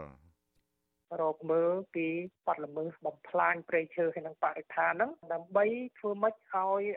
ការអនុវត្ត ប្រព័ន្ធយុត្តិធម៌របស់យើងនឹងមានពីផ្ដល់យុត្តិធម៌ទៅដល់សកម្មជនទាំងអស់នោះហ្នឹងបានបរិស្ថានឬមួយក៏ធនធានធម្មជាតិយើងនឹងអាចនៅសេសសល់បានយូរអង្វែងបើមិនចឹងទេវាជាការលើកទឹកចិត្តមួយដល់ពួកដែលប្រព្រឹត្តបទល្មើសនោះការនីតិរដ្ឋភាពករណីចោតប្រកាន់លើសកម្មជនការពីព្រៃឈើនេះដែរកាលពីខែកក្កដាឆ្នាំ2022តុលាការខេត្តរតនគិរីបានផ្តន្ទាទោសសកម្មជនការពីព្រៃឈើលោកឈនផល្លា ឲ្យជាប់ពន្ធនាគាររយៈពេល5ឆ្នាំពីបទផ្ដាមគំនិតញុះញង់ឲ្យប្រជាជនកាប់រុករានដីព្រៃដើម្បីធ្វើជាកម្មសិទ្ធិក្រោមពាក្យបណ្ដឹងរបស់អាជ្ញាធរស្រុកទោះជាយ៉ាងណា ការិយាល័យទទួលបន្ទុកសិទ្ធិមនុស្សនៃអង្គការសហប្រជាជាតិប្រចាំកម្ពុជា កាលពីថ្ងៃទី5ខែកក្កដាឆ្នាំ2022បានចេញសេចក្តីថ្លែងការណ៍សម្ដែងការពុរិបរំចំពោះការកាត់ទោសលោកឈុនផល្លាដែលការិយាល័យរបស់អង្គការសហប្រជាជាតិនេះ ថាជាសកម្មជនការពារព្រៃឈើនិងធនធានធម្មជាតិដែលបានចំណាយពេលជាង10ឆ្នាំក្នុងការចងក្រងឯកសារពាក់ព័ន្ធនឹងការបំផ្លាញបរិស្ថាននិងបានដាក់ពាក្យបណ្ដឹងប្រឆាំងនឹងអាជ្ញាធរដែលខកខានមិនបានបំពេញកាតព្វកិច្ចការពារដីធ្លីខ្ញុំជីវិតាអាស៊ីសេរីលោកអ្នកនាងប្រិយមិត្តអ្នកស្ដាប់ជាទីមេត្រីព័ត៌មានតកតងនឹងសកម្មជនដីធ្លីឯនេះវិញ ចាកូនប្រុសសកម្មជនដីធ្លីល្បីឈ្មោះម្នាក់នៅឯខេត្តកោះកុងលោកស្រីផៅយើង ទទូចឲ្យសាលាឧទ្ធរខេត្តព្រះសីហនុសម្រាប់ឲ្យម្ដាយរបស់លោករួចពីបទចោទសាលាឧទ្ធរព្រះសីហនុនឹងបើកសវនកម្មដេញដោលពីបទញុះញង់បង្កឲ្យមានភាពវឹកវរធ្ងន់ធ្ងរដល់សន្តិសុខសង្គមនិងបទបរិហាគេជាសាធារណៈលើសកម្មជនដីធ្លីខេត្តកោះកុងពីរនាក់គឺលោកស្រីផៅយើង និងលោកស្រីសេងលីនកូនប្រុសលោកស្រីផៅយើងយល់ឃើញថា ការទៀមទាដំណោះស្រាយវិវាទដីធ្លីរបស់ម្ដាយនិងសហគមន៍មិនមែនជាបទល្មើសនោះទេកូនប្រុសរបស់លោកស្រីផៅយើងគឺលោកហងវិស្នាថាការទៀមទារដ្ឋាភិបាលដោះស្រាយវិវាទដីធ្លី គឺជាការប្រើប្រាស់សិទ្ធិសេរីភាព មិនមែនជាអំពើខុសច្បាប់ទេលោកស្នើដល់សាលាឧទ្ធរខេត្តប្រសិទ្ធហនុសម្រាប់ឲ្យម្ដាយរបស់លោករួចផុតពីបទចោទ ក៏ថាសង្ឃឹមថាសាលាការខេត្តពិសេសនោះនឹងនឹងផ្ដល់យុត្តិធម៌ឲ្យពួកគាត់ទាំងពីររូបជំនុំថាជាម៉ាក់ខ្ញុំក៏ដូចជាអ៊ំសេងលីនដោយដោះលែងឲ្យគាត់មានសេរីភាពព្រមទាំងទម្លាក់រាល់បទចោទប្រកាន់គាត់ដោយយុត្តិធម៌ទាំងអស់ហ្នឹងការលើកឡើងនេះធ្វើឡើងបន្ទាប់ពីបរិយាអាញានៃសាលាឧទ្ធរខេត្តប្រសិទ្ធអនុលោកសុកហេងកាលពីថ្ងៃទី3ខែតុលាបានកោះហៅមេធាវីនិងសកម្មជនដីធ្លីដែលកំពុងជាប់ឃុំនៅពន្ធនាគារខេត្តកោះកុងគឺលោកស្រីផៅយើងនិងលោកស្រីសេងលីន ដើម្បីពិភាក្សាដេញដោលពីបទញុះញង់បង្កឲ្យមានភាពវឹកវរធ្ងន់ធ្ងរដល់សន្តិសុខសង្គមនិងបទបរិហាកេរជាសាធារណៈដែលបានប្រព្រឹត្តទៅនៅខាងមុខក្រសួងដែនដីនគររូបនីយកម្មនិងសំណង់កាលពីចុងឆ្នាំ2019នៅថ្ងៃទី5ខែតុលាតាក់ទងនឹងបញ្ហាវិវាទដីធ្លីនេះកាលពីថ្ងៃទី3ខែតុលាក្រុមការងារដោះស្រាយវិវាទដីធ្លីរបស់ក្រសួងដែនដីនគររូបនីយកម្មនិងសំណង់និងរដ្ឋបាលខេត្តកោះកុង បានប្រជុំដោះស្រាយវិវាទដីធ្លីរវាងពលរដ្ឋជាមួយនឹងលោកហេងហ៊ុយនៅស្រុកស្រែអំបិលនិងស្រុកបទុមសាគរវិទ្យុអាស៊ីសេរីនៅមិនទាន់អាចតាក់ទងแนะនាំពាក្យសាលាឧទ្ធរខេត្តប្រសិទ្ធនុលោកលឹមស៊ីណាត និងអភិបាលខេត្តកោះកុងអ្នកស្រីមិថុនាភូថងដើម្បីសុំការអត្ថាធិប្បាយជុំវិញបញ្ហានេះបាននៅឡើយទេ នៅថ្ងៃទី4ខែកញ្ញាតាក់ទងនឹងបញ្ហានេះដែរ មន្ត្រីទទួលបន្ទុកសិទ្ធិមនុស្សនិងធុរកិច្ចនៃមជ្ឈមណ្ឌលសិទ្ធិមនុស្សកម្ពុជាលោកវ៉ាន់សុផាតមានប្រសាសន៍ថាកិច្ចប្រជុំដោះស្រាយវិវាទដីធ្លីនៅស្រុកស្រែអំបិលនិងស្រុកបទុមសាគរនេះលោកកោតសរសើរនិងសាទរប្រសិនបរដ្ឋបាលខេត្តកោះកុងអាចដោះស្រាយជូនពលរដ្ឋបានប៉ុន្តែបើមិនអាចដោះស្រាយបានទេនោះលោកយល់ថាកិច្ចប្រជុំនោះគ្រាន់តែជារូបភាពមិនមានផលប្រយោជន៍សម្រាប់ពលរដ្ឋនោះទេលោកស្នើដល់សាលាឧទ្ធរខេត្តប្រសិទ្ធអនុ ទម្លាក់ចោលបទចោតប្រកាន់លើសកម្មជនដីធ្លីលោកស្រីផៅយើង និងលោកស្រីសេងលីន គាត់បាត់ដីហ្នឹងដោយសារតែមានការរំលោភយកដោយក្រុមហ៊ុនចំការអំពៅនិងក្រុមហ៊ុនហេងពុយ Agriculture Group នឹងឯងហើយចឹងដល់ពេលលទ្ធផលចេញមកទៅចោទគាត់ដោយសារតែគាត់ធ្វើការទៀមទាមានដំណោះស្រាយសមរម្យអីហ្នឹងអាហ្នឹងគឺថាវាមានជាអយុត្តិធម៌ចំពោះគាត់ចឹងខ្ញុំសង្ឃឹមថាតុលាការនឹងពិចារណាដើម្បីដោះលែងគាត់ហើយនឹងទម្លាក់ការចោទប្រកាន់ទាំងស្រុងតែម្ដងការឃុំខ្លួនសកម្មជនដីធ្លីនេះ ត្រូវបានអ្នកការពារសិទ្ធិមនុស្សចាត់ទុកថាជាការបំបាក់ស្មារតីសកម្មជនដីធ្លីមិនឲ្យចេញតវ៉ាស្របពេលដែលពួកគេអនុវត្តសិទ្ធិនិងសេរីភាពជាមូលដ្ឋាន ដែលមានចែងនៅក្នុងរដ្ឋធម្មនុញ្ញកូនកូនរបស់សកម្មជនដីធ្លីនិងមន្ត្រីអង្គការសង្គមស៊ីវិលនៅតែស្នើយ៉ាងទទូចដល់សាលាឧទ្ធរព្រះសីហនុសម្រាប់ឲ្យសកម្មជនដីធ្លីទាំងពីរនាក់រួចផុតពីបទចោទដើម្បីឲ្យពួកគាត់មានសេរីភាព និងបានជួបជុំគ្រួសារឡើងវិញ។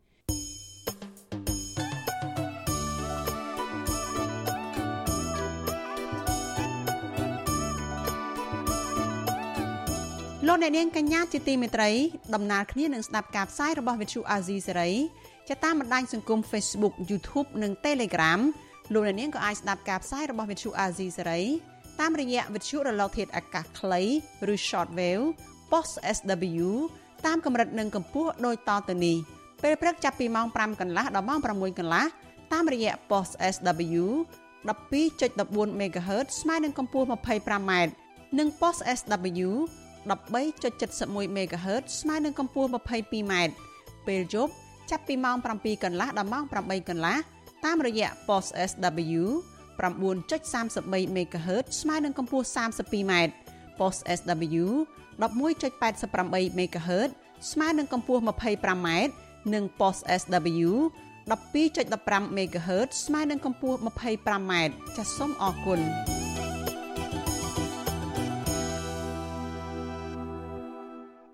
លោកអ្នកនាងកញ្ញាជាទីមេត្រីចាព័ត៌មានមួយទៀតតកតងនឹងខេត្តបាត់ដំបងចាអាជ្ញាធរនៅក្នុងមូលដ្ឋាននៅក្នុងស្រុកបាណន់ខេត្តបាត់ដំបងនៅតែមិនព្រមចុះហត្ថលេខាលើឯកសារបដូរសមាជិកជំទប់ទី2ឲ្យមន្ត្រីគណៈបកភ្លើងទៀនបើទោះបីជាគណៈបកនេះបានស្នើសុំអស់រយៈពេលជាង1ខែមកហើយក្តីមន្ត្រីគណៈបកភ្លើងទៀនចាត់ទុករឿងនេះថាជាចេតនារាំងខ្ទប់ការផ្លាស់ប្តូរសមាជិកជំទប់ទី2ដើម្បីកេងចំណេញផ្នែកនយោបាយ ចាសសូមស្ដាប់សេចក្តីរាយការណ៍របស់លោកយ៉ងច័ន្ទដារាអំពីរឿងនេះមន្ត្រីគណៈបកភ្លើងទៀនស្រុកបាណន់ព្រួយបារម្ភខ្លាចផ្លាស់ប្តូរសមាជិកជំទប់ទី2ឃុំស្នឹងមិនបានទាន់ពេលវេលា ដើម្បីចូលរួមបោះឆ្នោតជ្រើសតាំងប្រសិទ្ធិនៅក្នុងខែកុម្ភៈឆ្នាំ2024ខាងមុខប្រធានប្រតិបត្តិគណៈបកភ្លើងទៀនស្រុកបាណន់លោកកៅសវណ្ណរិទ្ធប្រាប់វិទ្យុអាស៊ីសេរីនៅថ្ងៃទី4ខែតុលាថាមេឃុំស្នឹងមកពីគណៈបកប្រជាជនកម្ពុជា និងអភិបាលស្រុកបាណន់ បានបង្កភាពស្មុគស្មាញនៅក្នុងការសុំបដូរសមាជិកជំទប់ទី2ឃុំស្នឹងអស់រយៈពេលជាង1ខែមកហើយលោកបញ្ជាក់ថាកាលពីថ្ងៃទី2តុលាលោកបានប្តឹងទៅអភិបាលស្រុកបាណន់គឺលោកស្រេងស្រៀងដើម្បីឲ្យជួយអន្តរាគមន៍ទៅមេឃុំស្នឹងឲ្យចុះហត្ថលេខាបដូរសមាជិកជំទប់ទី2គណៈបកភ្លើងទៀនក៏ប៉ុន្តែអភិបាលស្រុករូបនេះមិនព្រមដោះស្រាយជូនលោកឡើយ។ ដូចគ្មានចេតនាឲ្យផ្លាស់ប្ដូរសោះដោយសារថាឌីវិតនេះគាត់មានបាត់មេឃុំចឹងទៅការងារគេដាក់ឲ្យគាត់ធ្វើទៅចឹងហេគាត់ប្រហែលជាកាន់ជើងវាពាក់ព័ន្ធនឹងការបោះឆ្នោតកខាងមុខគឺគេទៅការទីដូរតែកន្លងមកលីថាគាត់នេះវាលេខជាងថា200បាត់ទៅហើយអានេះមូលដ្ឋានគាត់ឲ្យតម្រុយដែលចូលជាមួយគាត់នឹងទៅជួបគេទៅជួបអីចឹងទៅបារម្ភខ្លាចក្រែងការផ្លាស់ប្ដូរយឺតយ៉ាវព្រោះបោះឆ្នោតអសកលខាងមុខខែ2ចាប់ដើមឆ្លើយតបទៅនឹងបញ្ហានេះអភិបាលស្រុកបាណន់ លោកស្រេងស្រៀងប្រាប់វិទ្យុអាស៊ីសេរីថារឿងនេះពុំមែនលោកកិច្ចវេះដោះស្រាយបញ្ហានោះទេក៏ប៉ុន្តែលោកថាដោយសារមន្ត្រីគណៈបកភ្លើងទៀនដាក់ឯកសារមិនគ្រប់ដែលធ្វើឲ្យពិបាកនៅក្នុងការដោះស្រាយតាមខ្ញុំសួរទៅឃុំគាត់ថាមានលិខិតជំទាស់មួយពីសម័យខ្លួន ថាករណីនេះគឺមានការគៀបសង្កត់និងចោទប្រកាន់គាត់បង្ខំឲ្យគាត់ផ្តិតមេដាយអញ្ចឹងខ្ញុំអត់ទាន់បានឃើញលិខិតនឹងដែរទេដោយវាមកមានញឹកការងារចំនួនទឹកភ្លៀងប្រហែលមួយសល់មិញផងហើយថ្ងៃនេះខ្ញុំជាប់ចុះវេទិកាសាធារណៈនៅឃុំភ្នំតពៅផងអញ្ចឹងរឿងមិនមែនយើងមិនចាត់ការទេបាទទោះជាយ៉ាងនេះក្តីមន្ត្រីសម្របសម្រួលសមាគមការពារសិទ្ធិមនុស្សអាត់ហុកខេត្តបាត់ដំបងនិងខេត្តបៃលិនលោកយិនមេងលីមានប្រសាសន៍ថាអញ្ញាធិស្រុកធ្វើបែបនេះ ជារឿងមិនត្រឹមត្រូវឡើយពីព្រោះតាមឋានានុក្រមអភិបាលស្រុកមានអំណាចសួរទៅអាជ្ញាធរថ្នាក់ក្រោមដើម្បីយកឯកសារសម្រួលដោះស្រាយបញ្ហានេះបាន។ អត់អត់មានពិបាកទេណាខ្ញុំខ្ញុំតែខ្ញុំមើលឃើញថាហាក់បីដូចជាមានអ្វីមួយនៅពីក្រោយរឿងនឹងទៀតដែលកាន់តែធ្វើឲ្យមានការស្មុគស្មាញថែមទៀតបញ្ហានេះអញ្ចឹងពិនិត្យមើលឡើងវិញកិច្ចការរដ្ឋបាលទាំងអស់ហ្នឹងកុំឲ្យមានភាពស្មុគស្មាញច្រើនពេកគ្រាន់តែប៉ុណ្្នឹងស្មុគស្មាញចុះការងារផ្សេងៗទៀតវាកាន់តែធ្វើឲ្យមានការស្មុគស្មាញថែមទៀតធ្វើឲ្យអ្នកអ្នកដែលពាក់ព័ន្ធអ្នកដែលចង់ទៅពឹងពាក់សេវាសាធារណៈលែងចង់ទៅពឹងពាក់តែម្ដងដែលឃើញមានភាពស្មុគស្មាញអញ្ចឹងហ៎កាលពីថ្ងៃទី28សីហា មន្ត្រីគណៈបកភ្លើងទៀនបានដាក់ពាក្យស្នើសុំទៅមេឃុំស្នឹងដើម្បីបដូរសមាជិកជំទប់ទី2ឃុំស្នឹងគឺលោកឌីវិតដោយដាក់លោកខៀវសារ៉នជំនួសវិញដោយសារតែជំទប់ទី2បច្ចុប្បន្នអនុវត្តខុសពីគោលការណ៍របស់គណៈបកដោយបំពេញការងារលំអៀងទៅរកគណៈបកកណ្ដាលអំណាចនេះជាករណីទី2ហើយដែលអាជ្ញាធរគណៈបកកណ្ដាលអំណាចមិនព្រមចុះហត្ថលេខាបដូរសមាជិកជំទប់ទី2មកពីគណៈបកភ្លើងទៀន កាលពីថ្ងៃទី1កញ្ញាកន្លងទៅមន្ត្រីគណៈបកភ្លើងទៀននៅខេត្តកណ្ដាលបានប្តឹងទៅក្រសួងមហាផ្ទៃដើម្បីឲ្យជួយអន្តរាគមន៍ករណីចៅសង្កាត់ស្វាយរលំក្រុងតាខ្មៅខេត្តកណ្ដាលមិនព្រមចុះហត្ថលេខាលើឯកសារបដូរសមាជិកចៅសង្កាត់រងទី2ម្ដងរួចមកហើយច្បាប់ស្តីពីការគ្រប់គ្រងរដ្ឋបាលឃុំសង្កាត់មាត្រា37ចែងថាការផ្លាស់ប្តូរសមាជិកភាពក្រុមប្រឹក្សាឃុំសង្កាត់ ត្រូវធ្វើឡើងដោយប្រកាសរបស់រដ្ឋមន្ត្រីក្រសួងមហាផ្ទៃនៅក្នុងរយៈពេលយ៉ាងយូរ14ថ្ងៃ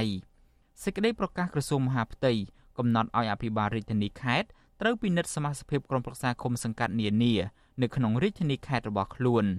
នៅក្នុងករណីសមាជិកក្រុមប្រឹក្សាណាបាត់បង់សមាជិកភាពអភិបាលរាជធានីខេត្តត្រូវឲ្យសមាជិកក្រុមប្រឹក្សាឃុំសង្កាត់នោះលើកសំណើសុំប្តូរជាបន្ទាន់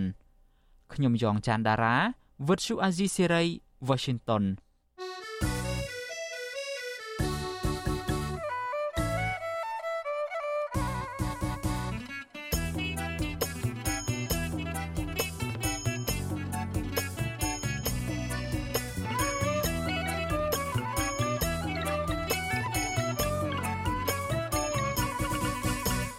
លោកអ្នកនាងកញ្ញាជាទីមេត្រីប្រជាសហគមន៍នេសាទនៅក្នុងខេត្តចំនួន2ដែលស្ថិតនៅតាមដងទន្លេមេគង្គអំពាវនាវឲ្យអាជ្ញាធរពាក់ព័ន្ធជួយទប់ស្កាត់បទល្មើសនេសាទជាជាងប្រព្រឹត្តអំពើពុករលួយ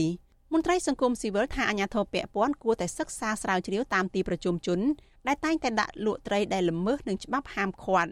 ចាលោកតារារាជសែនមានសេចក្តីរាយការណ៍អំពីរឿងនេះសហគមន៍នេសាទចំនួន2ខេត្ត គឺខេត្តស្ទឹងត្រែងនិងខេត្តក្រចេះអំពីវនីវឲ្យអាជ្ញាធរពាក់ព័ន្ធចុះទប់ស្កាត់បទល្មើសនេសាទដែលកើតមានឡើងនៅតាមដងទន្លេមេគង្គមានដូចជាស្បៃខ្នាតធំ និងប្រើប្រាស់ឧបករណ៍ឆក់នៅពេលយប់ពួកគេថាកន្លងទៅអាជ្ញាធរក៏បានចុះបង្ក្រាបខ្លះដែរប៉ុន្តែមួយរយៈចុងក្រោយនេះបទល្មើសដាក់ស្បៃខ្នាតធំ និងឆក់បានកើតឡើង ហើយអាជ្ញាធរហាក់មិនអើពើនោះទេបើទោះបីជាសហគមន៍បានរាយការណ៍រួចហើយក្តី ប្រជាសហគមន៍នេសាទនៅស្រុកសម្បូរខេត្តក្រចេះលោកហឹមចំណូប្រាប់វិទ្យុអាស៊ីសេរីនៅថ្ងៃទី3ខែតុលាថាបច្ចុប្បន្នបទល្មើសដាក់ស្បែកខ្នាតធំ នៅតាមអូហូរចូលក្នុងទន្លេមេគង្គកំពុងរីកដូចផ្សិត ចំណែកករណីឆក់កើនឡើងជារៀងរាល់នៅពេលយប់ហើយសហគមន៍របស់លោក តែងតែរាយការណ៍ទៅអាជ្ញាធរពាក់ព័ន្ធប៉ុន្តែអាជ្ញាធរទាំងអស់នោះហាក់មិនអើពើនោះទេ លោកចាត់ទុកថាការដែលមិនចុះបង្ក្រាបបទល្មើសនេសាទបែបនេះ ដោយសារតែអាជ្ញាធរពាក់ព័ន្ធប្រព្រឹត្តអំពើពុករលួយទើបមិនហ៊ានចុះអនុវត្តច្បាប់ទៅលើជនល្មើសចង់ឲ្យអាជ្ញាធរជួយគិតគូរមើលថាដូចជាជាពិសេសគឺឆក់ហើយនឹងបាំងបាំងព្រោះអាជ្ញាធរគាត់នៅកន្លែងនេះគាត់ដឹងថាកន្លែងណាគេបាំងម្នាក់ណាអ្នកឆក់ព្រោះជាពិសេសគឺមេភូមិលោកមេឃុំនឹងហ្មងជួយប្រក្រាបបិទធំធំនឹងទៅទី1ជួយឲ្យត្រីនឹងវារីកចម្រើនផង បើសិនជាអបដោយឲ្យគាត់ដាក់ទៀតអ្នកដែលរស់ស៊ីធម្មតាដូចជាមងដូចជាសន្ទូចតូចតូចអីអត់បានទេអស់ហើយបាទស្រដៀងគ្នានេះដែរសហគមន៍នេសាទស្រុកសៀមបូកខេត្តស្ទឹងត្រែង លោកព្រំផេនឲ្យដឹងដែរថាជនល្មើសតែងតែលួចឆក់ត្រីតាមកោះមួយចំនួននៅពេលយប់ស្ទើរតែរៀងរាល់យប់ហើយសហគមន៍បានរាយការណ៍ទៅអាជ្ញាធរដែរប៉ុន្តែអាជ្ញាធរថាកំពុងជាប់រវល់លោកបន្ថែមថាកន្លងទៅអាជ្ញាធរក៏បានចុះបង្ក្រាបចាប់ជនល្មើសខ្លះដែរ ប៉ុន្តែជនល្មើសទាំងអស់នោះហាក់មិនខ្លាចញញើតអាជ្ញាធរឡើយលោកថាសហគមន៍របស់លោកមិនអាចធ្វើការល្បាតនៅពេលយប់នោះបានទេដោយសារមានអ្នកចូលរួមច្រើន និងខ្វះធនធានថវិកាថែមទៀតយកបានថាបើយើងមិនទប់ស្កាត់បើមិនមន្ត្រីខាងពាក់ព័ន្ធមិនចូលរួមទាំងអស់ទេក៏វាទៅហើយយកសហគមន៍ដូចសហគមន៍ដូចជាពួកខ្ញុំនេះវាបានជាថាជួយជាសារព័ត៌មានដូចជាខូចកញ្ចក់ទៅពេលប្រាប់យកទៅ ហើយសហគមន៍ដឹងស្រាប់ហើយសហគមន៍អត់មានប្រាក់ខែដូចខាងជលផលខាងឆ្មាំឯណាខាងឆ្មាំនោះគេមានប្រាក់ខែប្រាក់អីដោយសហគមន៍ខ្ញុំចប់អត់មានប្រាក់ខែជាការលើកទុកចិត្តវិទ្យុអាស៊ីសេរីមិនអាចតាក់ទងអភិបាលខេត្តក្រចេះលោកវ៉ាថននិងប្រធានមន្ទីរកសិកម្មរុក្ខាប្រមាញ់និងនេសាទលោកគុយហួតបានទេនៅថ្ងៃទី3ខែតុលាដោយទូរស័ព្ទចូលគ្មានអ្នកទទួល ចំណែកអ្នកនាំពាក្យសាលាខេត្តស្ទឹងត្រែងលោកម៉ែនគង់ឲ្យដឹងថារដ្ឋបាលខេត្តតែងតែមានវិធានការចោះទប់ស្កាត់បទល្មើសនិងអប់រំធ្វើកិច្ចសន្យាឲ្យបញ្ឈប់ប្រសិនបើនៅតែប្រព្រឹត្តអាជ្ញាធរចាត់វិធានការតាមផ្លូវច្បាប់ប៉ុន្តែចំណុចសំខាន់គឺស្នើសុំឲ្យបងប្អូនប្រជាពលរដ្ឋចូលរួមអនុវត្តទៅតាមសេចក្តីជូននឹងរបស់ខេត្តទៅតទៅទៅនឹងក្នុងការធ្វើនេសាទដោយខុសច្បាប់និងការចូលរួមការពារធនធានជលផលរបស់យើងបាទឲ្យបានគង់វង្សនិងមាននិរន្តរភាពនេះជាការការរំលឹកនិងជាការអប់រំដាស់តឿនទៅដល់បងប្អូនប្រជានេសាទទាំងអ ស់ជុំវិញរឿងនេះនាយកប្រតិបត្តិអង្គការទន្លេ3លោកលៀងប៊ុនលៀបយល់ឃើញថាអាជ្ញាធរមិនពិបាកក្នុងការស្វែងរកជនល្មើសនោះទេពីព្រោះត្រីដែលច្បាប់បានហាមទាំងអស់នោះតែងតែដាក់លក់នៅតាមទីផ្សារនិងទីប្រជុំជនអាជ្ញាធរពាក់ព័ន្ធអាចសិក្សាស្រាវជ្រាវរកអ្នកជាប់ពាក់ព័ន្ធយកមកអនុវត្តច្បាប់បាន លើសពីនេះលោកថាករណីសហគមន៍រីការដល់អាជ្ញាធរហើយមិនទាន់មានការចោះទប់ស្កាត់នោះ គឺអាចមានជាប់ពាក់ព័ន្ធនឹងអំពើពុករលួយរវាងមន្ត្រីមួយចំនួនតូចនិងក្រុមជនល្មើសទាំងអស់នោះអាកិច្ចសហការគ្នាកន្លងមកនោះវាជាយន្តការចាស់មួយដែលល្អប្រសើរសម្រាប់បន្តតទៅទៀតរវាងអាជ្ញាធរនិងសហគមន៍សហគមន៍គាត់អាចថតរូបឬមួយក៏តាមដានទៅលើទីផ្សារដែលអាត្រីដែលលើសទំហំហាមឃាត់ទៅត្រីពងជាទម្ងន់រហូតដល់5 6គីឡូអីបានហ្នឹង យើងត្រូវតាមមកមើលថាតើប្រភពវាមកពីណាពិនិត្យមើលរបៀបហ្នឹងតែហើយយើងតាមតាមពីអ្នកលក់ថាគាត់ទិញពីណាអ្នកលក់ឯងយើងនឹងរកឃើញបាទហើយយើងនឹងចាត់វិធានការទៅតាមច្បាប់ហ្នឹងទៅបាទកាលពីខែសីហាកន្លងទៅរដ្ឋមន្ត្រីក្រសួងកសិកម្មរុក្ខាប្រមាញ់និងនេសាទលោកដិតទីណាប្រកាសប្រើប្រាស់ drone សម្រាប់ឆ្លូបយកការដើម្បីបង្ក្រាបបទល្មើសនេសាទនិងបទល្មើសព្រៃឈើរួមទាំងអភិរក្សសត្វផ្សោតនៅខេត្តក្រចេះនិងខេត្តស្ទឹងត្រែងទោះជាយ៉ាងណា ប្រជាសហគមន៍ស្នើយ៉ាងទទូចទៅអាជ្ញាធរពាក់ព័ន្ធត្រូវចុះទប់ស្កាត់ឲ្យបានទាន់ពេលវេលា និងស្វែងរកអ្នកដែលជាប់ពាក់ព័ន្ធដែលបើកដៃឲ្យក្រុមជនល្មើសទាំងអស់នោះយកទៅផ្ដន្ទាទោសតាមច្បាប់បើពុំដូច្នោះទេត្រីនិងជីវៈចម្រុះជាច្រើនប្រភេទនៅក្នុងទន្លេមេគង្គនឹងបន្តបាត់បង់ថែមទៀតពួកគេស្នើឲ្យអាជ្ញាធរក៏ដូចជាអ្នកធ្វើការងារពាក់ព័ន្ធវិស័យជលផល ជួយឧបត្ថម្ភដល់ពួកគេក្នុងការចុះល្បាតទប់ស្កាត់បទល្មើសផងដែរខ្ញុំ ដារ៉ារាជសែន With you Azizi Saray ទីក្រុង Adelaide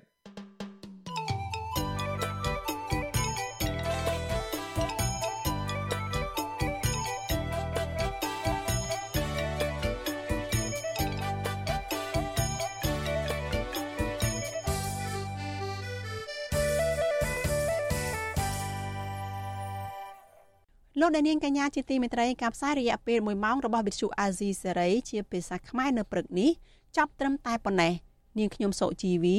ព្រមទាំងក្រុមការងារទាំងអស់នៃវិទ្យុអាស៊ីសេរីចាសសូមជូនពរដល់លោកអ្នកនាងកញ្ញានិងក្រុមគ្រួសារទាំងអស់សូមប្រកបតែនឹងសេចក្តីសុខសុភមង្គល និងសុខភាពល្អកុំបីឃ្លៀងឃ្លាតឡើយនាងខ្ញុំសូមអរគុណនិងសូមជម្រាបលា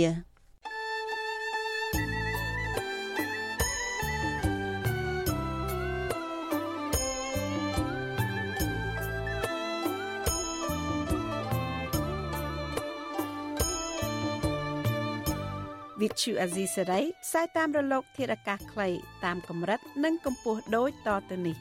ពេលព្រឹកចាប់ពីម៉ោង5កន្លះដល់ម៉ោង6កន្លះតាមរយៈប៉ុស SW 12.14 MHz ស្មើនឹងកម្ពស់ 25m និងប៉ុស SW 13.71 MHz ស្មើនឹងកម្ពស់ 22m ពេលយប់ចាប់ពីម៉ោង7កន្លះដល់ម៉ោង8កន្លះតាមរយៈប៉ុស SW 9.33 MHz ស្មើនឹងកម្ពស់ 32m ប៉ុស SW 11.88 MHz ស្មើនឹងកម្ពស់ 25m និងប៉ុស SW 12.15 MHz ស្មើនឹងកម្ពស់ 25m លោកអ្នកនាងក៏អាចស្ដាប់និងទស្សនាការផ្សាយផ្ទាល់នៅលើគេហទំព័ររបស់ Vuthu Azizi Saray តាមរយៈអាស័យដ្ឋាន rfa.org/ ខ្មែរក្រៅពីនេះលោកអ្នកនាងក៏អាចអាននិងទស្សនាព័ត៌មាន Vuthu Azizi Saray លើទូរស័ព្ទដៃរបស់លោកអ្នកផ្ទាល់ សូមលោកអ្នកនាងដំឡើងកម្មវិធី Vithu Azisari នៅលើទូរស័ព្ទដៃរបស់លោកអ្នកនាងឬស្វែងរក Vithu Azisari នៅលើ YouTube ឬ Facebook ដោយស្វែងរកពាក្យថា Vithu Azisari ឬ RFA ខ្មែរ